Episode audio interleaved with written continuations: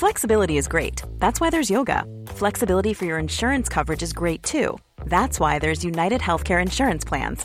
Underwritten by Golden Rule Insurance Company, United Healthcare Insurance Plans offer flexible, budget friendly coverage for medical, vision, dental, and more. One of these plans may be right for you if you're, say, between jobs, coming off your parents' plan, turning a side hustle into a full hustle, or even missed open enrollment. Want more flexibility? Find out more about United Healthcare Insurance Plans at uh1.com.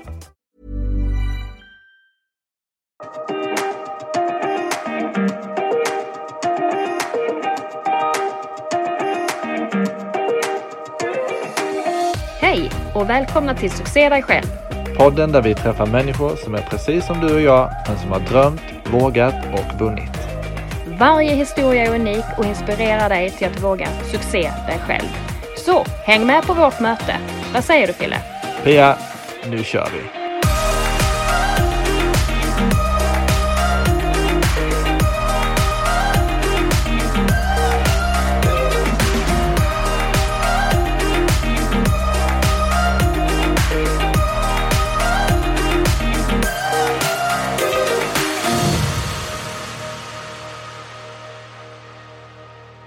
Hallå! Hej! Hej! Förlåt att ni fick vänta på oss. Det är ingen fara. Ingen fara. Det, det är jag den otekniska.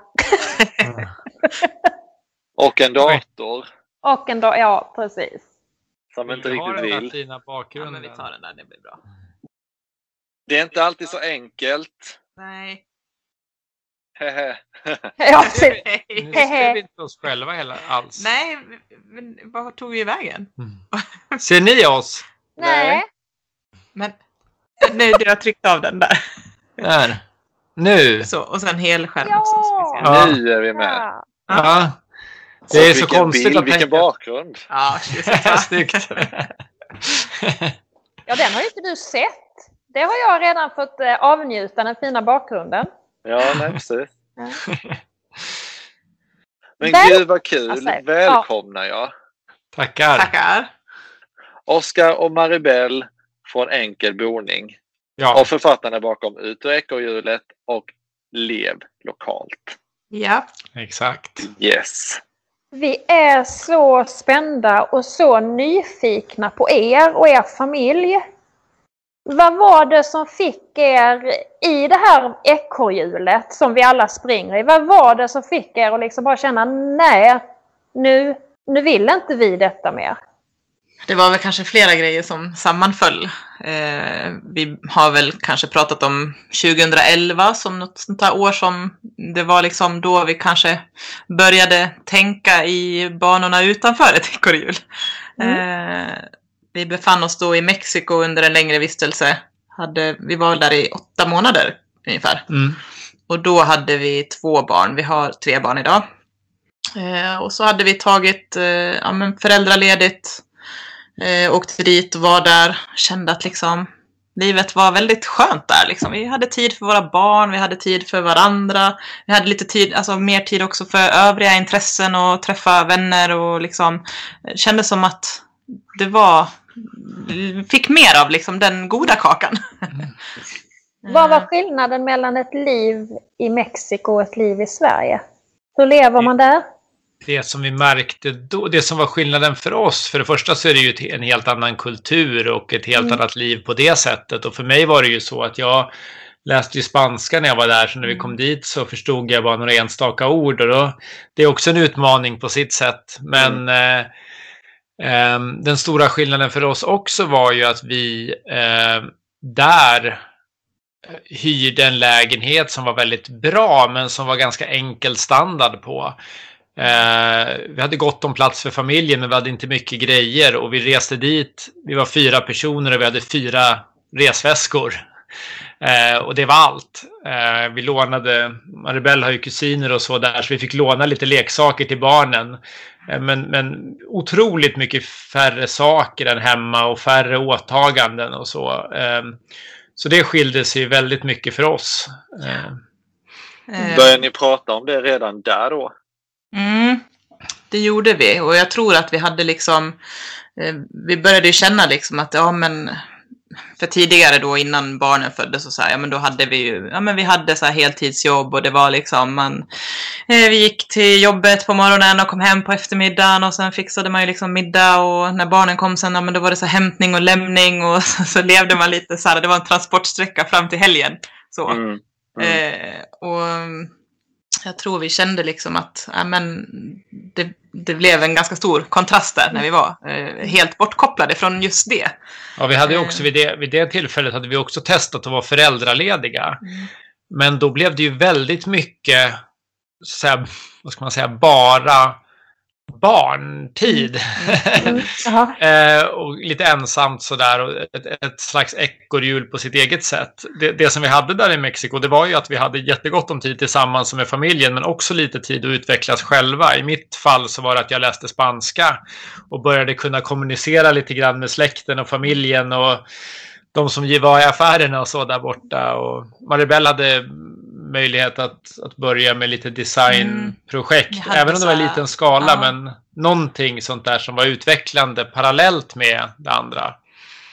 Som liksom var ett intresse som jag kände att men det här skulle jag nog gärna vilja prova på lite mer. Men hemma när man går liksom i ja, men det här vanliga 8 till 5 jobbet så hinner man liksom inte med så här, att utveckla sina intressen som man kanske känner lite mer för.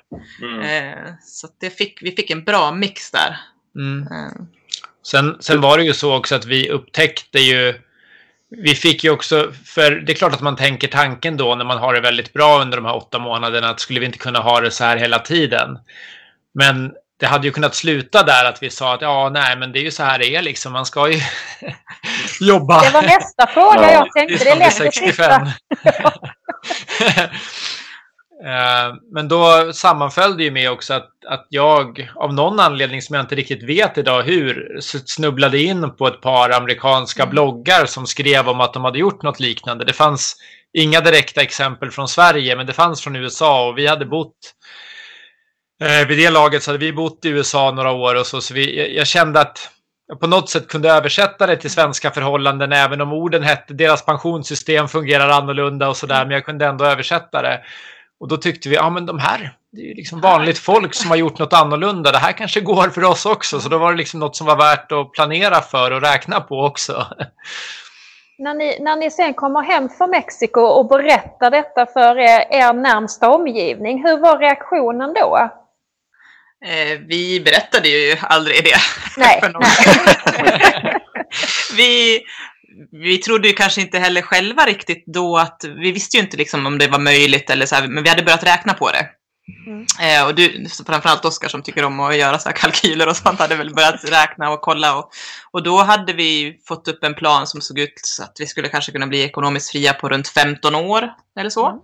Eh, så vi såg det ju som något väldigt, väldigt långsiktigt och tänkte väl inte att ja, men det här måste vi berätta för våra liksom, närmsta för att det kommer ändå inte hända nu, utan det var mer som att ja, men vi testar att börja spara pengar då och se hur, om vi liksom kommer dit när vi om 15 år. Det skulle ju vara fantastiskt liksom. För, fördelen med det också att vi hade, tror jag, att vi hade den där långa sikten var ju att vi fick ju inte för oss heller att vi skulle liksom spara på något sätt som sänkte vår livskvalitet Nej. här och nu. Nej. Hade vi på något sätt från början fått för oss att det kanske gick att göra på tre, fyra år, då hade vi kanske inte varit lika medvetna om våra val. Utan jag tror, det, jag tror faktiskt att i efterhand att det var väldigt bra. Mm.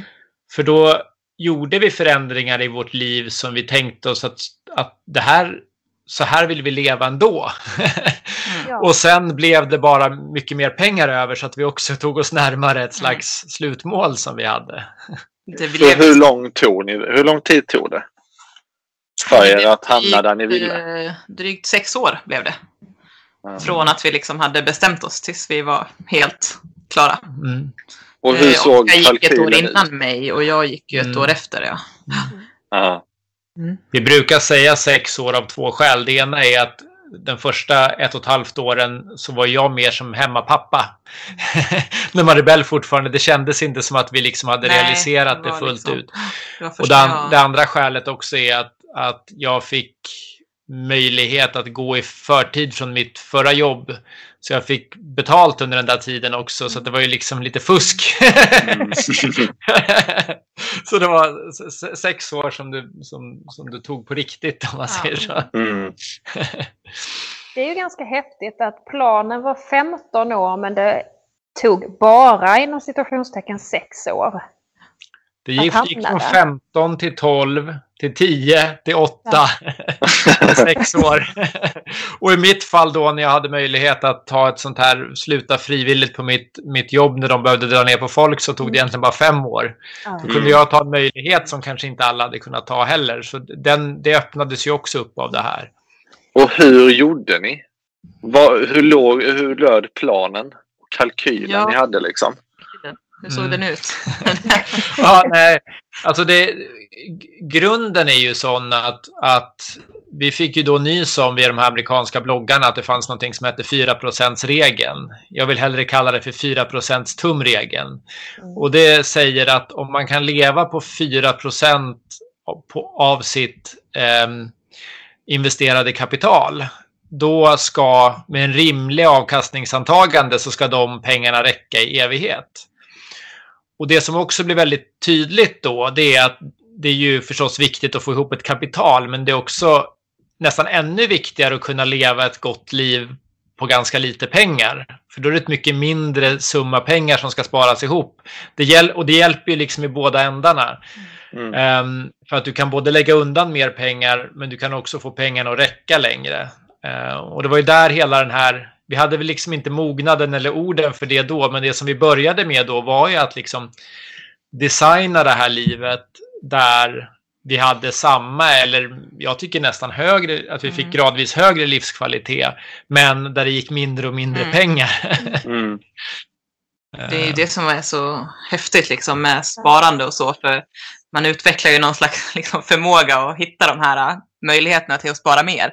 Mm. Eh, och precis som Oskar säger så tycker ju vi att, för ibland har vi fått frågan om vi har avstått från någonting och att det har varit kämpigt liksom att spara, men vi kände ju snarare att ju mer tiden gick så kände vi oss mer liksom berikade, att vi fick högre livskvalitet.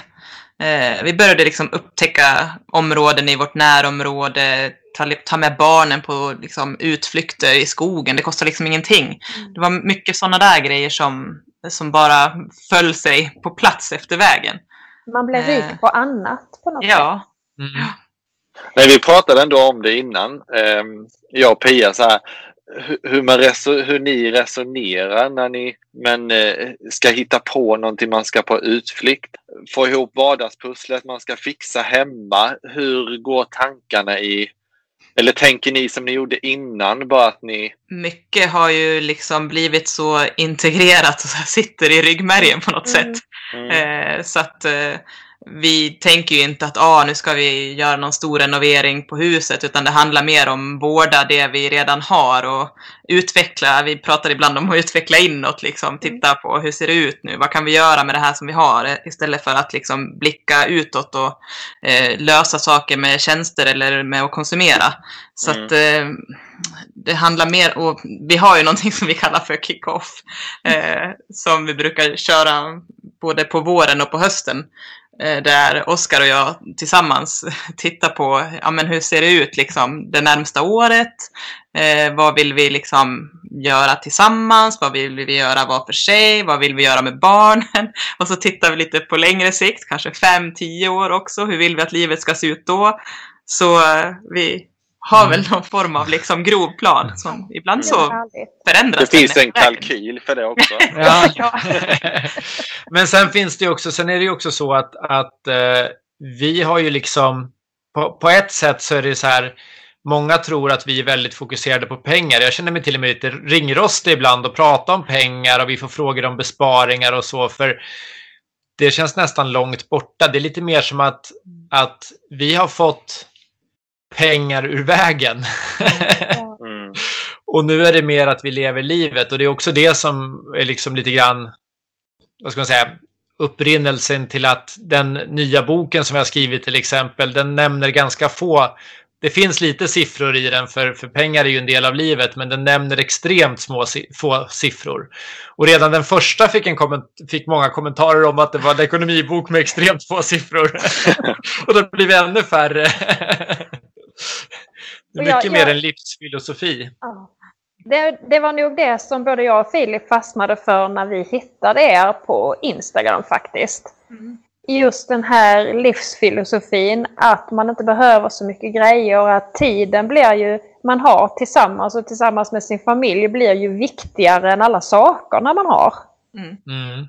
Vi har ju mer och mer börjat tänka på att, att man kan lösa Alltså det som vi har sett mer och mer när vi har börjat liksom kliva tillbaks och inte packa livet för fullt, det är att man ofta får ut flera nyttor ur en aktivitet. Så det blir ju en form av, det kan verka som att vi gör mycket själva och då går det åt mycket tid för det. Men mycket är det ju så här att, att liksom målar du en vägg själv, det är mest Maribel som gör. Så första gången tar det jättelång tid, men sen har du ju inte bara fått en nymålad vägg.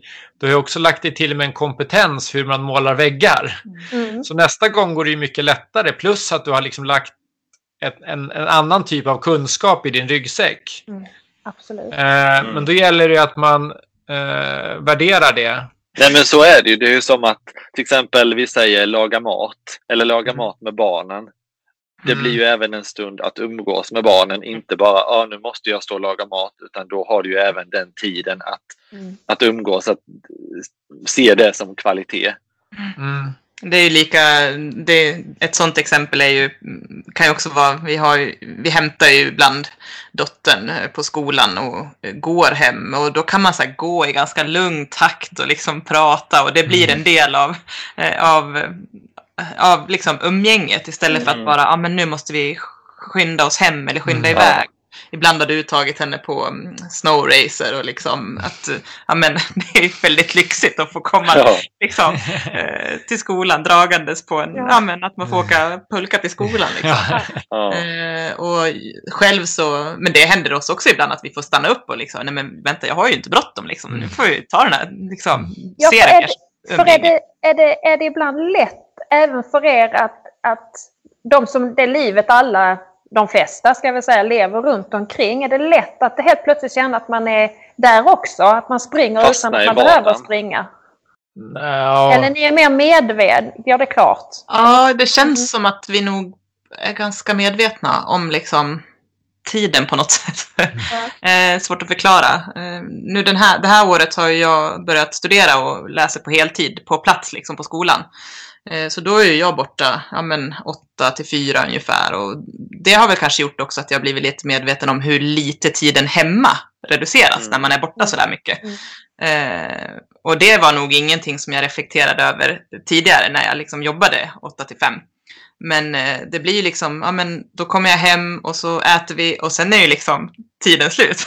Ja. Så att eh, är det någonting då som man liksom kanske vill fixa med hemma eller sådär så då, då finns det ju inte så mycket utrymme. Eh, så det är väl någonting som jag faktiskt har reflekterat mer över nu än innan. Att hur lite den delen är. Mm. När du har fått smaka på ett ja. annat ja, annat sätt ja. att leva. Mm. Sen är det också så att jag, jag, tror ingen, eller jag ska inte säga att det inte finns någon, det kanske det gör, men jag tror nästan ingen bara vill sitta och rulla tummarna och inte göra någonting. Och vill man göra någonting som känns meningsfullt, oavsett om det är ett föreningsengagemang eller som jag som tycker om att, att, skriva, har jag fått chans att skriva bok, men jag har fått chans att skriva artiklar och sådana här saker också det sker ju inte av sig självt, så ibland måste man anstränga sig och ibland när man anstränger sig så är inte varje minut kul. Men det sammanlagda, och där blir det ju en sån här sak som man liksom själv måste utvärdera. Man kan inte bara säga att allting som känns lite jobbigt, det avstår jag ifrån, för då blir det snart ingenting mm. kvar.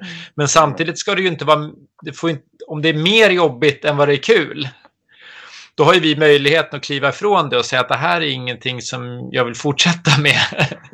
Mm. vi, gör inte längre, vi gör inte längre för att vi måste ha in pengar för att betala räkningarna. Så, är det liksom 80 procent ja. positivt och 20 procent tråk, då kan det ändå vara värt det. ja, det är precis som du säger, allt, allt, allt som är roligt är ju faktiskt inte roligt hela tiden. Men jag tänker lite, uppskattar ni är ni liksom duktiga som ni sa innan så här på att påminna varandra om den friheten ni har. För det blir lite som man säger till barn, man kan inte ha roligt hela tiden för då uppskattar man inte det roliga till slut. Men är ni duktiga på att påminna varandra om den friheten och det, det ni har. Ja, det försöker vi göra. Eh, det kan ju vara så här ibland, jag har någon gång nu, jag vet inte om det var precis efter jul, så, ja, men så var jag på väg till skolan och det var en så här jättefin vinterdag och, och liksom, ja men och jag skulle få gå iväg och göra någonting som jag tycker är jättekul. Men ändå mm. så bara, gud vad tråkigt, jag vill inte dit idag. och sen så bara, men vänta nu liksom. Här får jag liksom gå den här sköna promenaden, jag får göra någonting som verkligen är lustfyllt, som jag tycker om. Mm. Eh, och jag får träffa liksom härliga människor som jag inspireras av. Så jag måste liksom bara, så det, det händer ju att vi också liksom verkligen får påminna oss eh, om Sen är det ju ganska bra. Jag menar, barn sköter sig ju inte helt själva och vi gör ju ändå en del saker. Så vi har ju också en liten variation i livet där vi till exempel när det är sommarlov då är vi i princip helt fria i 9-10 veckor. Men sen har vi andra tider när det är skola och det är träningar och vi gör egna projekt och sådär. Och då, det faller sig ofta så att det blir lite mer vissa tider och lite mindre andra gånger. Och då blir det ju någon, några veckor då och då när vi ändå näst, nästan kommer upp i den gamla rytmen. Mm.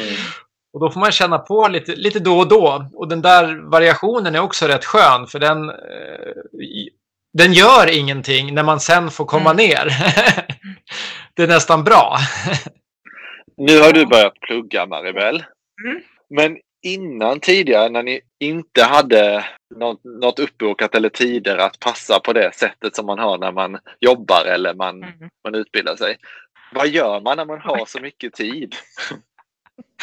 Ja, tiden går åt ändå. Eh, mm. Det är väl så. Vi brukar säga det att den fyller man ju liksom. Eh, ja, Skillnaden för oss är väl kanske att vi kan fylla det med sånt som vi själva väljer. Eh, det är ingen annan som väljer hur vi ska fylla den.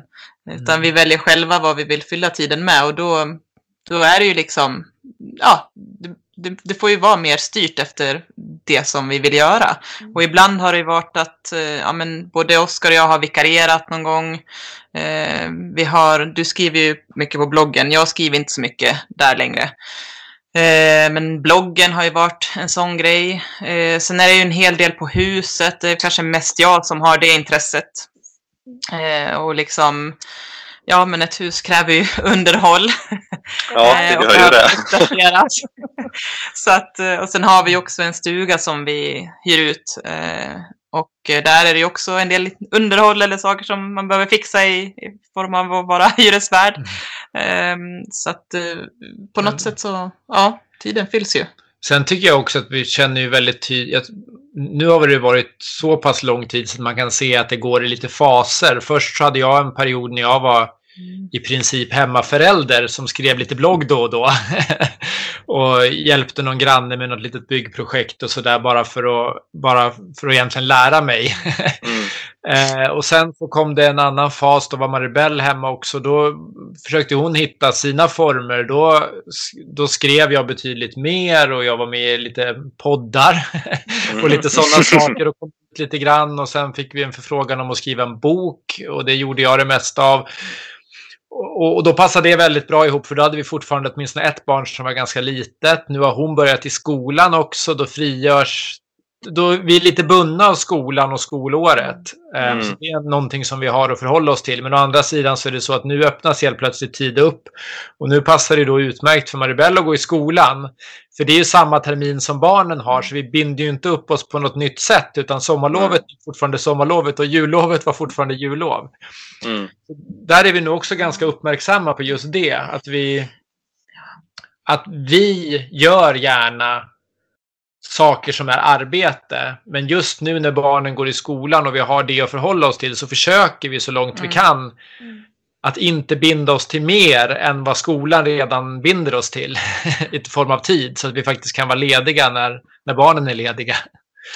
Föreningsuppdrag har vi också. Vi, ja, du är i en förening och jag är med i styrelsen i en annan förening. Det är också sådär, det är liksom ideellt eh, arbete som som man får lägga. Och det är ju också så eh, som samhället ser ut idag, så det blir ju också lite så här krock. För att då är det ju oftast när alla andra kan, så är det liksom på den fria tiden.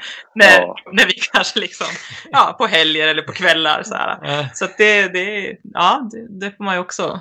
Ja, man lär sig. Ja. Eh, Men det, det är väl någonting som jag har tänkt också på det här när vi säger att vi har tre och femårsplaner och vi kan till och med tänka i 10-15 års sikt. Att vi ser att vi, vi har massor med saker som vi skulle vilja göra. Men vissa saker passar väldigt bra att göra nu. Mm.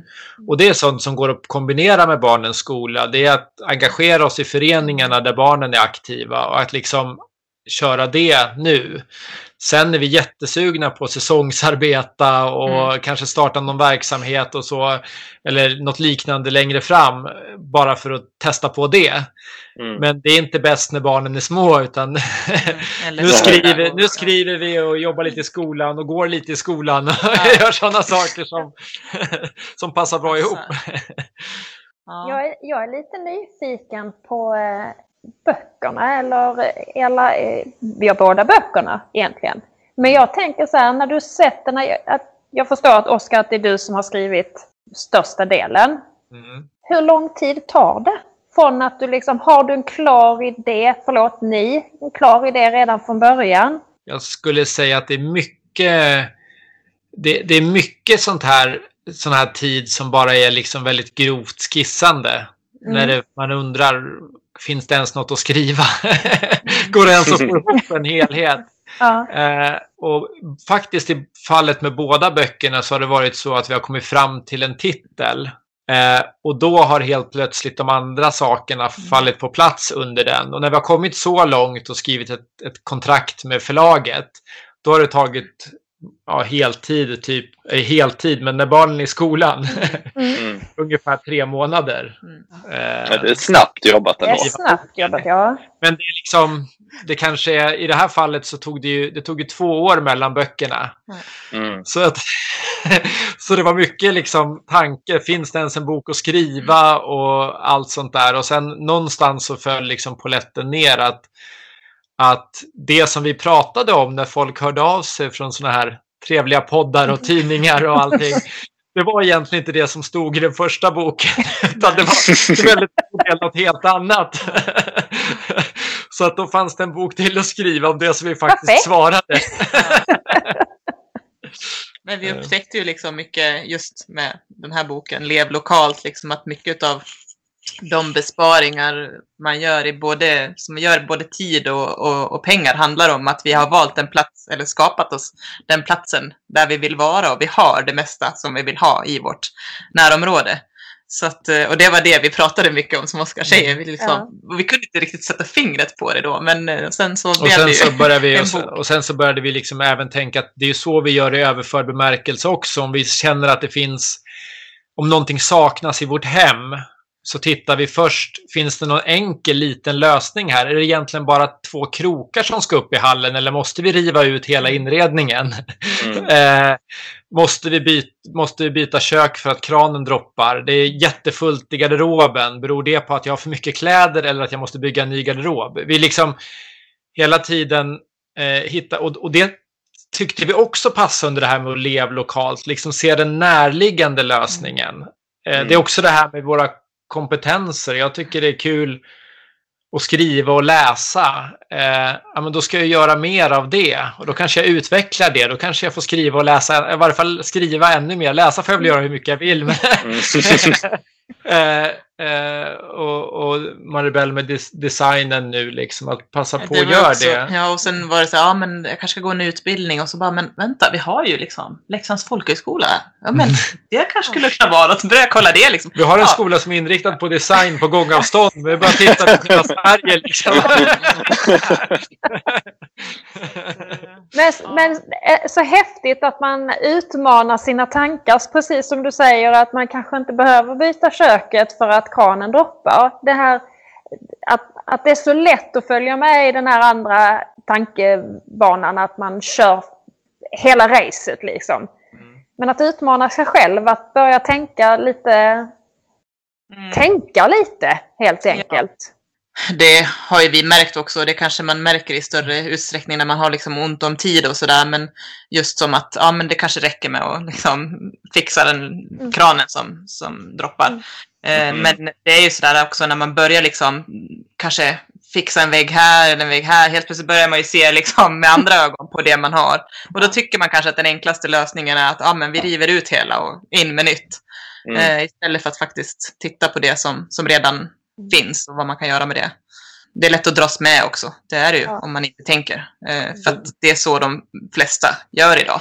Mm. Eh, och det är lätt att liksom inspireras och dras med och liksom titta på hur andra gör och varför gör de så? Ska vi också göra så? Liksom. Eh, och det, vi- det är ju någonting man får jobba med mycket alltså, själv också, liksom, att stå emot Mm. kanske. Det är, no det är någonting vi gör ganska mycket också i, i den nya boken, att liksom vi, vrida och vända på perspektiv med hjälp av så här, till exempel, vi har pratat om att man ska hitta sin plats på jorden, men då pratar vi både om hur man hittar den, vad den kanske bör innehålla, men vi pratar också om hur man skapar den. För det handlar också om en inställningsfråga. Tar jag Mm, vara på absolut. allting som finns här på min plats på jorden? Bidrar jag på något sätt för att göra det till en bättre plats? Huvudfokus i, i den här är ju eh, hur vi får tid över och hur vi får energi så att, så att vi har energi också att använda den tiden när tiden finns. Medan den första var liksom väldigt mycket fokus på ekonomi, så det är som att vi har liksom tänt en lampa till, fast på samma, samma livsstil, men tänt liksom en till strålkastare. Vi, två till. gillar, ja, vi gillar ju det där Filip, när man utmanar sina tankar och vänder och vrider. Och, Ja, att man ser eh, varje grej som en erfarenhet, inte Ja. bara som en transportsträcka dit. Precis, det är väl ett jättebra exempel som du sa med att måla en vägg. Mm. Att du lär dig att måla väggen, inte bara till det färdiga resultatet. Mm. Mm. Utan att man verkligen värdesätter de Mm. resorna också. Det var en insikt som jag fick för ganska många år sedan. En av de här bloggarna som vi hittade från allra första början heter Early Retirement Extreme. Och den är ju superextrem så att den Mm. passar verkligen inte alla och vi har aldrig varit så extrema som, som Jacob som, som, som skriver den. Men det han pratade väldigt mycket om det var att vi i vårt samhälle idag inte har tyckt att kunskaper och färdigheter som vi har som är på en nivå så att vi inte kan ta betalt av andra för att utföra dem. De har inget värde. Mm. Eh, Men han menar på att det är ett jättestort värde att hjälpligt kunna reparera någonting eller att kunna laga en hyfsad måltid. Även om du inte är kock och liksom mekaniker. Mm. Eh, Men då är det liksom som att det moderna samhället är som att du ska vara super, super duktig på en sak och få jättebra betalt. Och sen kan du därför vara värdelös på allt annat. För det kan Ja. du bara betala andra att göra. I- början var kanske specialiseringen inget stort problem för de flesta var rätt mångsidiga ändå i, i ett, det gamla samhället. Men Mm. någonstans så har det liksom Mm. för många gått till en överdrift. Där man, och då blir man ju väldigt beroende av sitt jobb också. Vad händer den dagen när den där specialkompetensen som man inte har riktigt behövs? Eller när man inte orkar gå dit längre för att man själv är slut. Det är ju också så att eh, det ty- har jag reflekterat en del över att hela ens identitet också blir ju uppbyggd kring den här specialkompetensen och Mm. ditt jobb. Du nästan blir ditt jobb Mm. eh, när du inte har de här andra färdigheterna med dig. Eh, och det är ju också lite farligt den dagen jobbet försvinner. Liksom. Vem är jag och vad, vad har jag mer? Liksom? Vad kan jag? Eh, Förut var mångsysslare var ett sånt där uh, skällsord som det brukade stå på dokusåpakändisar. ja, Jag har mer och mer börjat omvärdera det och tycka att det är väldigt, Det är om det verkligen innebär att man gör lite av varje så är det en jädrigt bra titel. Ja, är som man vill sträva efter. ja, men så är det. Mycket idag är- ju egentligen uppbyggt runt omkring oss att man, målet ska vara att man blir så rik så att du inte behöver lyfta ett finger. Precis. Då har du inte så mycket andra Sen måste du gå och träna på någon exklusiv träningsanläggning. Ja. Man blir så, man blir så otroligt, om man äter gott och inte lyfter ett finger så. Ja, nej, det blir inget bra. Nej. Nej, det blir svårt med allt annat. Ja. Men vad inspireras ni av idag? Var, var hittar ni inspirationen? Jag tycker nog att mycket av det vi eh, liksom inspireras av idag, det handlar ju väldigt mycket mer om ett hållbart liv. Liksom både i hälsa och miljö och Um... Jag har ju gått mer åt det hållet att jag har blivit väldigt nyfiken på eh, vi tipsar om några böcker i, i, i eh, bloggen som handlar om hur man ska man säga, bygger starka lokalsamhällen och så och hur man blir en del av ett starkt lokalsamhälle.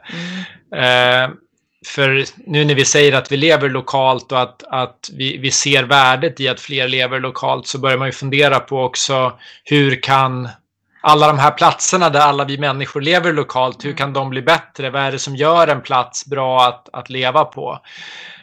Um, så vi har ju liksom jag ska man säga, tagit ett steg längre, liksom vidare eftersom mm. som jag sa, vi får fortfarande väldigt ofta frå detaljerade frågor om ekonomi. Och ibland tycker jag att jag är ganska dålig på att svara på dem nu för tiden. För det, vi, förvånande nog så tänker vi på det väldigt lite. Mm. Eller många tycker att det är förvånande ska jag säga. um, ekonomi är ganska mycket på autopilot. Ja. Ni har andra fokus. Ja, mm. det liksom. kan man säga. Som man säger, det här lokalt och att... Det är hälsa och det är ja. hållbarhet och det är mycket kring så här hur, hur det här lokalsamhället både vad, ut, vad utmärker ett, loka, ett bra lokalsamhälle mm. men också hur jag, hur jag bidrar jag. Det är mm. inte så att jag ska vara ansvarig för allting men är jag, är jag ett plus mm. eller är jag ett minus? är platsen bara pyttelite bättre? Det, det pratar vi också mycket om i den här boken att, mm. att vi tror att man ofta är så himla mycket in, inne på att det ska ske så stora revolutionerande förändringar. Men vi tror liksom att gör man något litet positivt, oavsett om det är för samhället eller om det är för sig själv eller för mm. sin hälsa eller för miljön eller vad det är. Gör man något litet positivt varje dag och gör, mm. eller liksom kommer man på det idag och gör det imorgon, då mm. händer det. Sätter kulan i rullning. Precis, sätter, sätter bollen i rullning eller vad man ska kalla det. Ehm, det är ju liksom superviktigt ehm, och det förstår vi ju mer och mer och det är mm. också de, de som jag inspireras mest av när det gäller den här samhällsbyggnaden. De pratar ju också om det. Do the next small thing mm. and start tomorrow.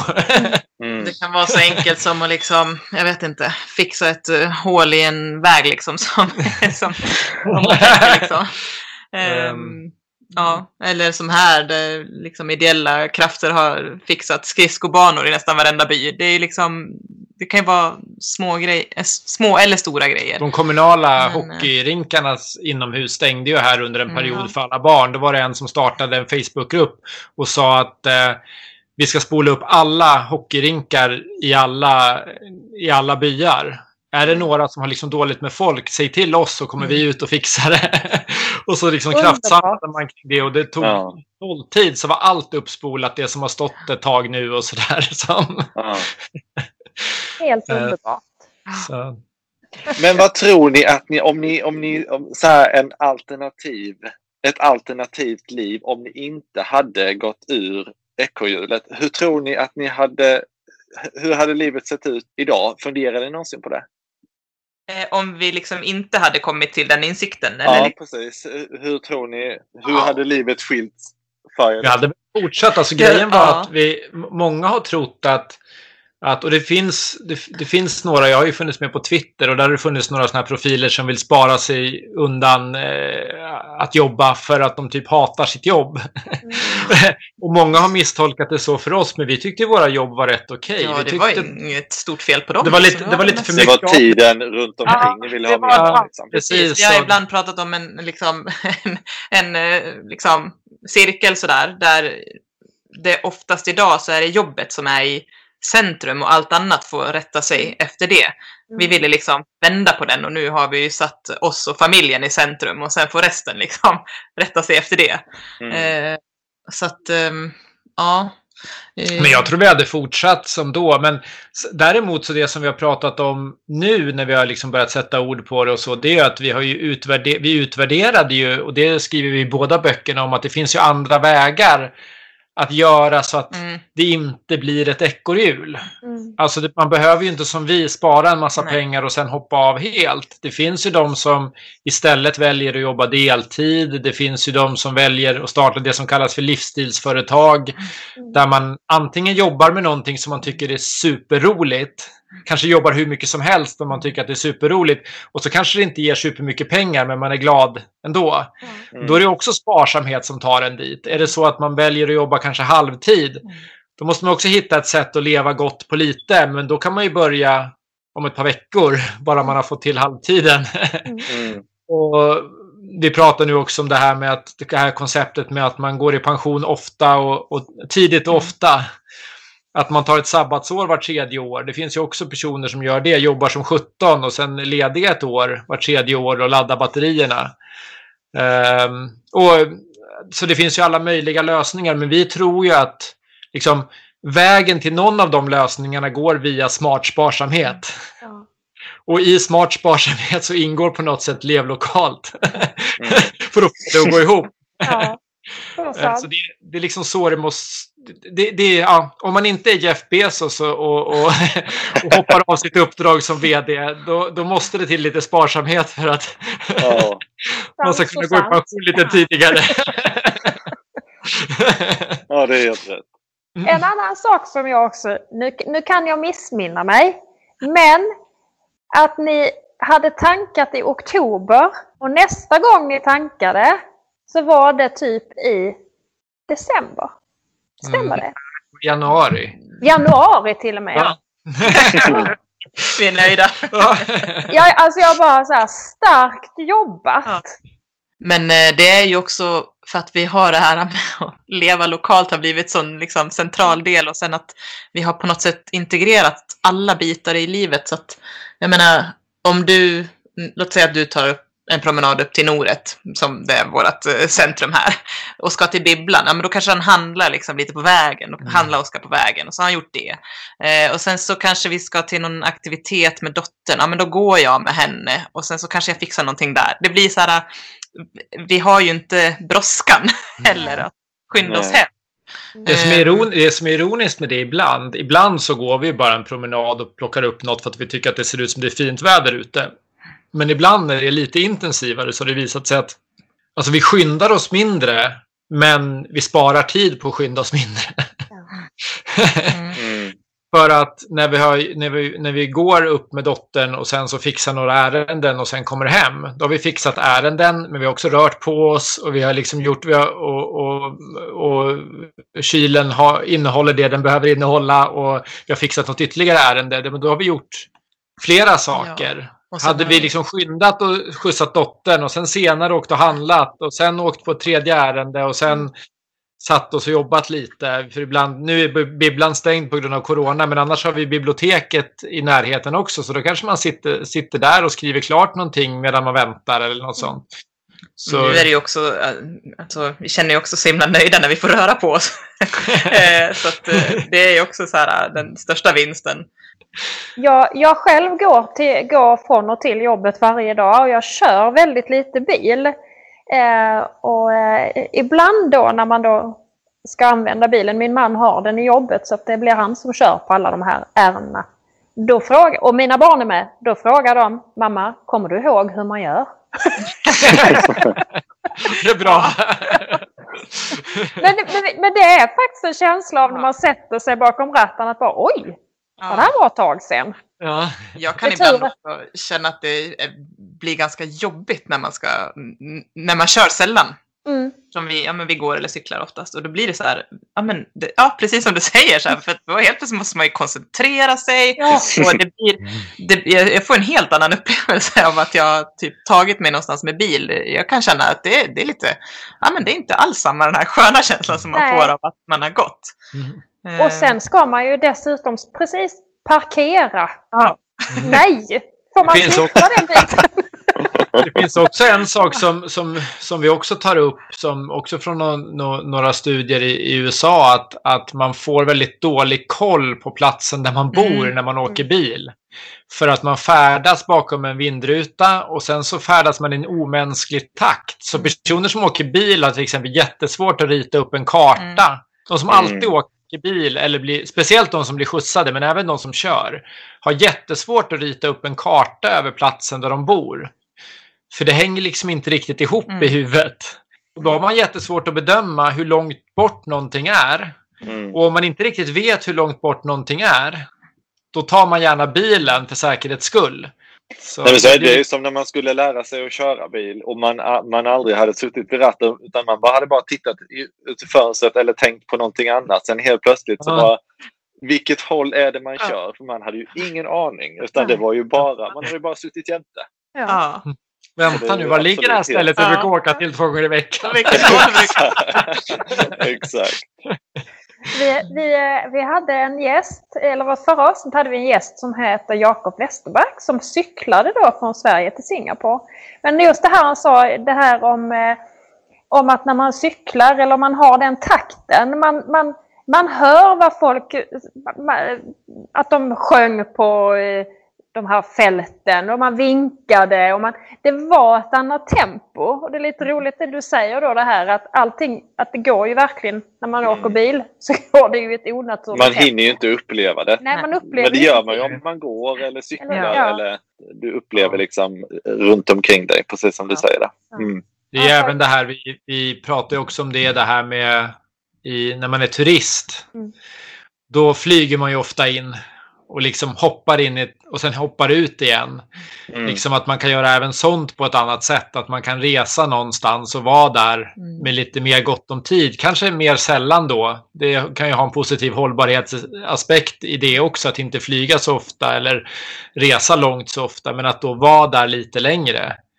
Mm. Eh, för när man, när man då är det så har man möjlighet att uppleva saker i ett ja, återigen liksom ett mänskligare tempo. Att faktiskt promenera runt i kvarteret och se allting. Att kanske både äta på restaurang men också laga lite mat själv och testa alla, rå, alla spännande saker som finns i livsmedelsbutiken mm. eller på fruktmarknaden eller så. Så att det där med ett, ja man kanske ska kalla det ett mänskligt tempo. Det är ju mycket det det handlar om. Att föra ner saker på ett sånt på en sån nivå för då upplever man mer. Då ser man att det finns väldigt vackra exotiska fåglar här också, mm. inte bara i, i tropiska länder.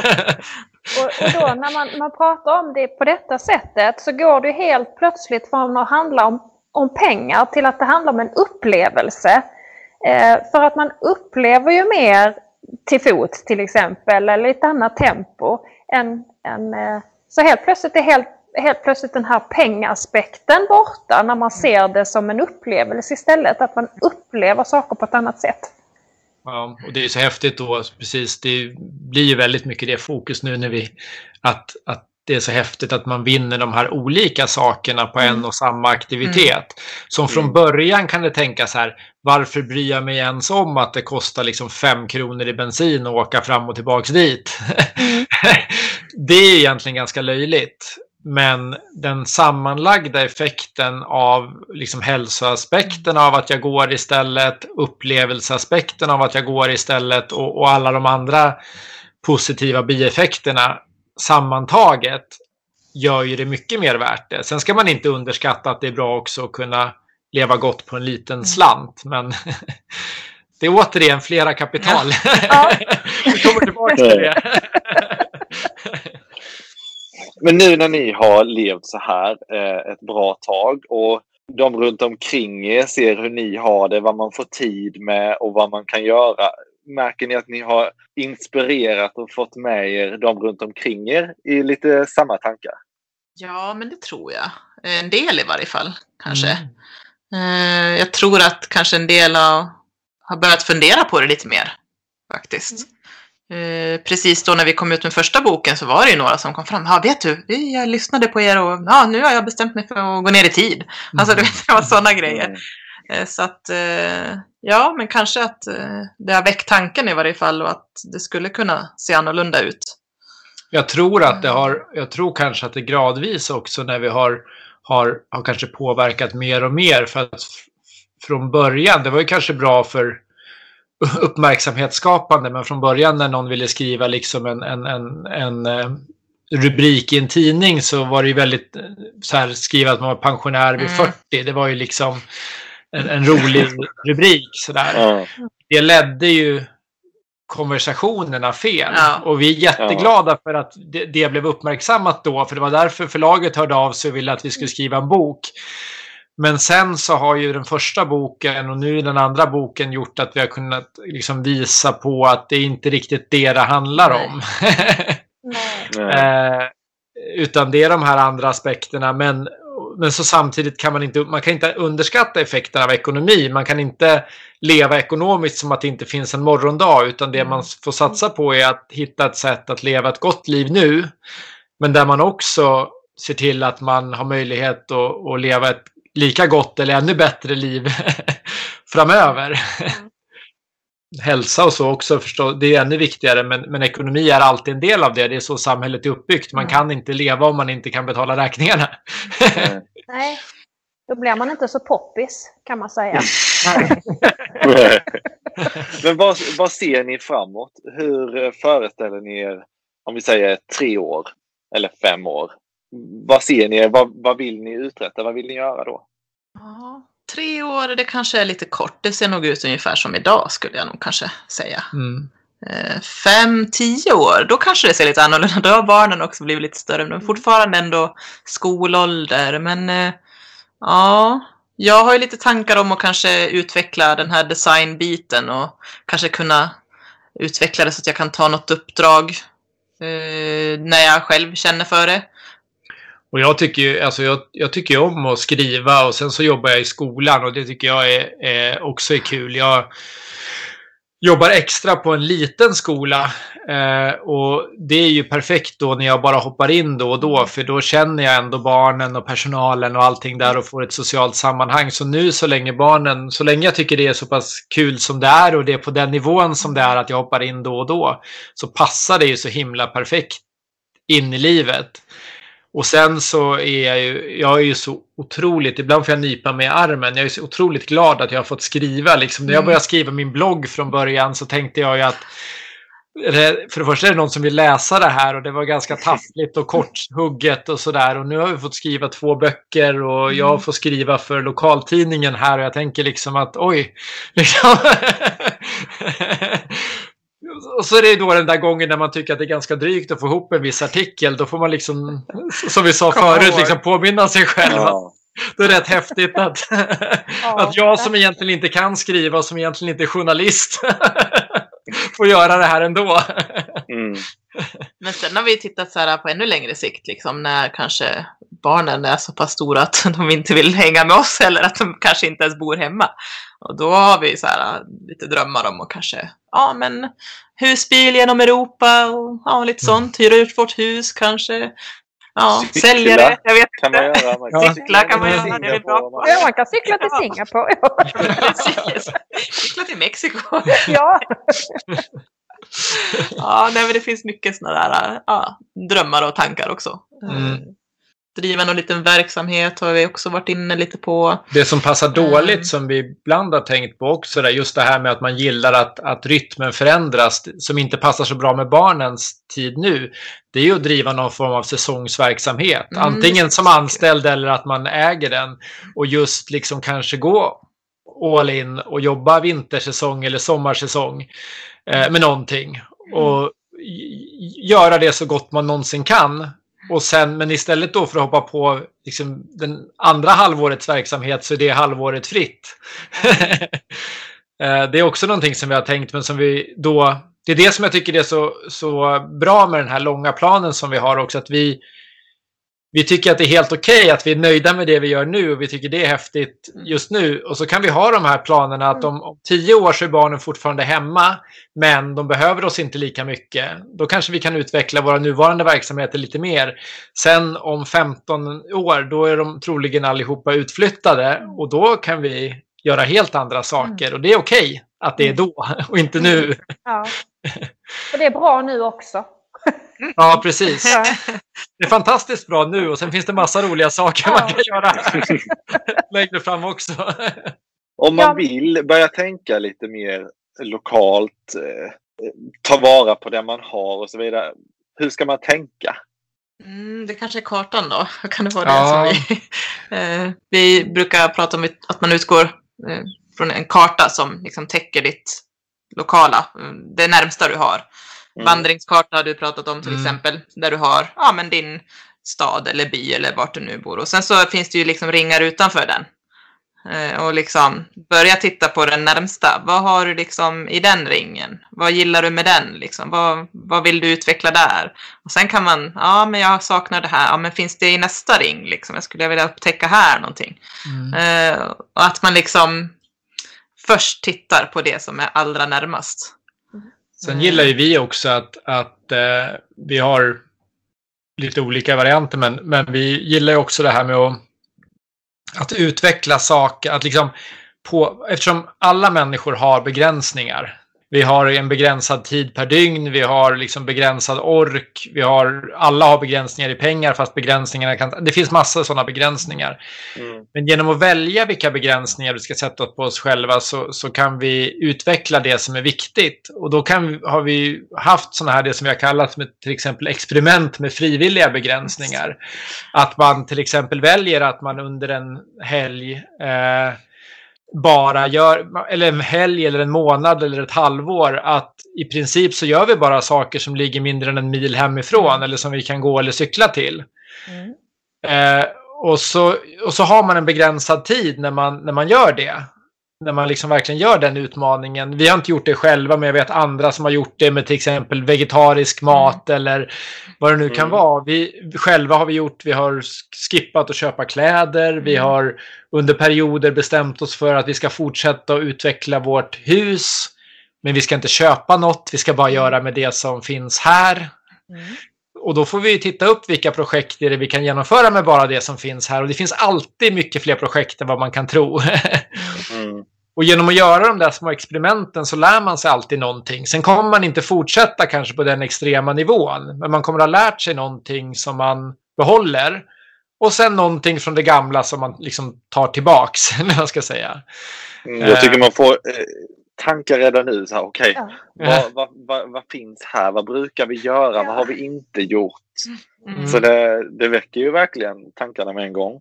Så vi, vi- är väldigt mycket för det där, liksom att man experimenterar. Vi har också pratat om... Mm. ehm, vi har liksom pratat om det där med lite olika ord för att det får igång olika tankar hos olika personer. Mm. Det här med, vi har sagt liksom, i den nya boken kallar vi det för kreativitet inuti boxen.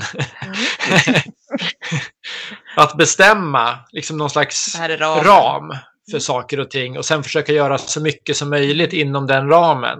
Eh, vi, eh, det är ju- går ju att prata om budgetramar, det går att prata om tidsramar, eh, avståndsramar och så vidare och så verkligen försöka Ja, men det här är satt, men allt annat eh, kan vi flytta på. Och det där ger massa nya insikter som man sedan använder till nästa experiment eller Och sen kan det vara kul också att dokumentera lite så här. eh, Det behöver inte vara något stort liksom. Men eh, i somras hade vi en, vi kallade den för sommarkartan. Vi visste att vi skulle vara liksom i Sverige, vi skulle vara mesta tiden hemma här i Leksand. Eh, och så tänkte vi att, ja men hur ska vi liksom, vad ska vi göra nu då? Alla fick liksom skriva en liten lista vad de ville göra. Men sen så gjorde vi också en så här, en, vi satte upp ett papper typ på väggen, en ett större ark liksom. Och när vi hade gjort någonting som, ja, kanske något som stod på listan eller något annat, så skrev vi upp det på den här kartan. Mm. Och när sommaren var slut så såg vi ju verkligen, men oj, vad, vad mycket, och vi har upptäckt de här nya platserna. Och ibland kan det vara lätt att så här, aha, vi ska bara vara hemma, vi kommer inte Mm. göra någonting. Men Mm. att eh, liksom bara skriva ner så märker man ganska snabbt precis. att det här har vi gjort. Och, Vi skrev det i att, att en, en idé kan ju vara att, att om man till exempel ska vara hemma en semestervecka eller en ledig vecka eller så. Att planera hemma som man skulle göra om man hade åkt någonstans. Mm. Bra tips. Eh, alltså verkligen så här, typ i, i princip läsa guideboken till sin egen Mm. ort. Men det är ju så lite saker som man egentligen vet om sin hemmaort. Eller Ja. har, där kan finnas museum och där är kyrkor och allt möjligt. Men som man, ja man vet om det. Men man hade gjort, Men man också- kanske gjort det i skolan någon gång. Men varför inte i vuxen ålder och tillsammans med sina barn kanske uppleva. naturen, om man bläddrar upp en, som vi sa, vi, vi har ju faktiskt skaffat en, en fysisk vandringskarta över den här eh, trakten. Och Mm. den är liksom två gånger två mil. Det är, ja, åtminstone om man cyklar en bit kan man ta sig dit över dagen. Mm. Eh, och, och det finns så mycket. Alltså allt från liksom badplatser till stigar till skogar till utsiktsplatser och berg och allt möjligt. Och allting är ju inte vissa saker är ju av typen museum eller restaurang och vissa saker är ju bara en vacker plats. Mm. Men man får ett helt annat perspektiv av det, att ha den där lilla skalan. Eh, Tack för inspirerande samtal. tackar. Och, ja, och motiverande att eh, sätta igång de här tankarna som, som, där det inte bara går på slentrian. Men jag håller helt med. Jättemånga bra tips och man börjar redan så här. mm, Hur Mm. skulle vi kunna, vad ska vi säga, optimera tiden men inte Mm. för att spara tid. Nej. Utan för att göra någonting bättre med den. Mm. Ja. Jag hoppas ju att många tar sig tid att, att som jag sa, att man, kanske de som lyssnar och så, att de tar sig tid. Vår första bok finns ju på bibliotek och den andra börjar väl komma om man, om man inte vill köpa den, men att man tar sig tid och inte bara läsa rubriken utan att faktiskt läsa Mm. helheten. Mm. Det är inte bara läsa oj, de lever på lite pengar och det måste vara fattigt. Eller vad, vad det nu kan vara man först får. Eller de måste begränsa sina barn. Eller vad det nu kan vara man får som första Mm. tanke. Mm. Utan att faktiskt läsa ordentligt och se vad kan det här ge mig. För att jag är säker på att ingen kommer göra exakt som vi. Men jag är också nästan säker på att ja, nästan alla som läser kommer typ hitta något.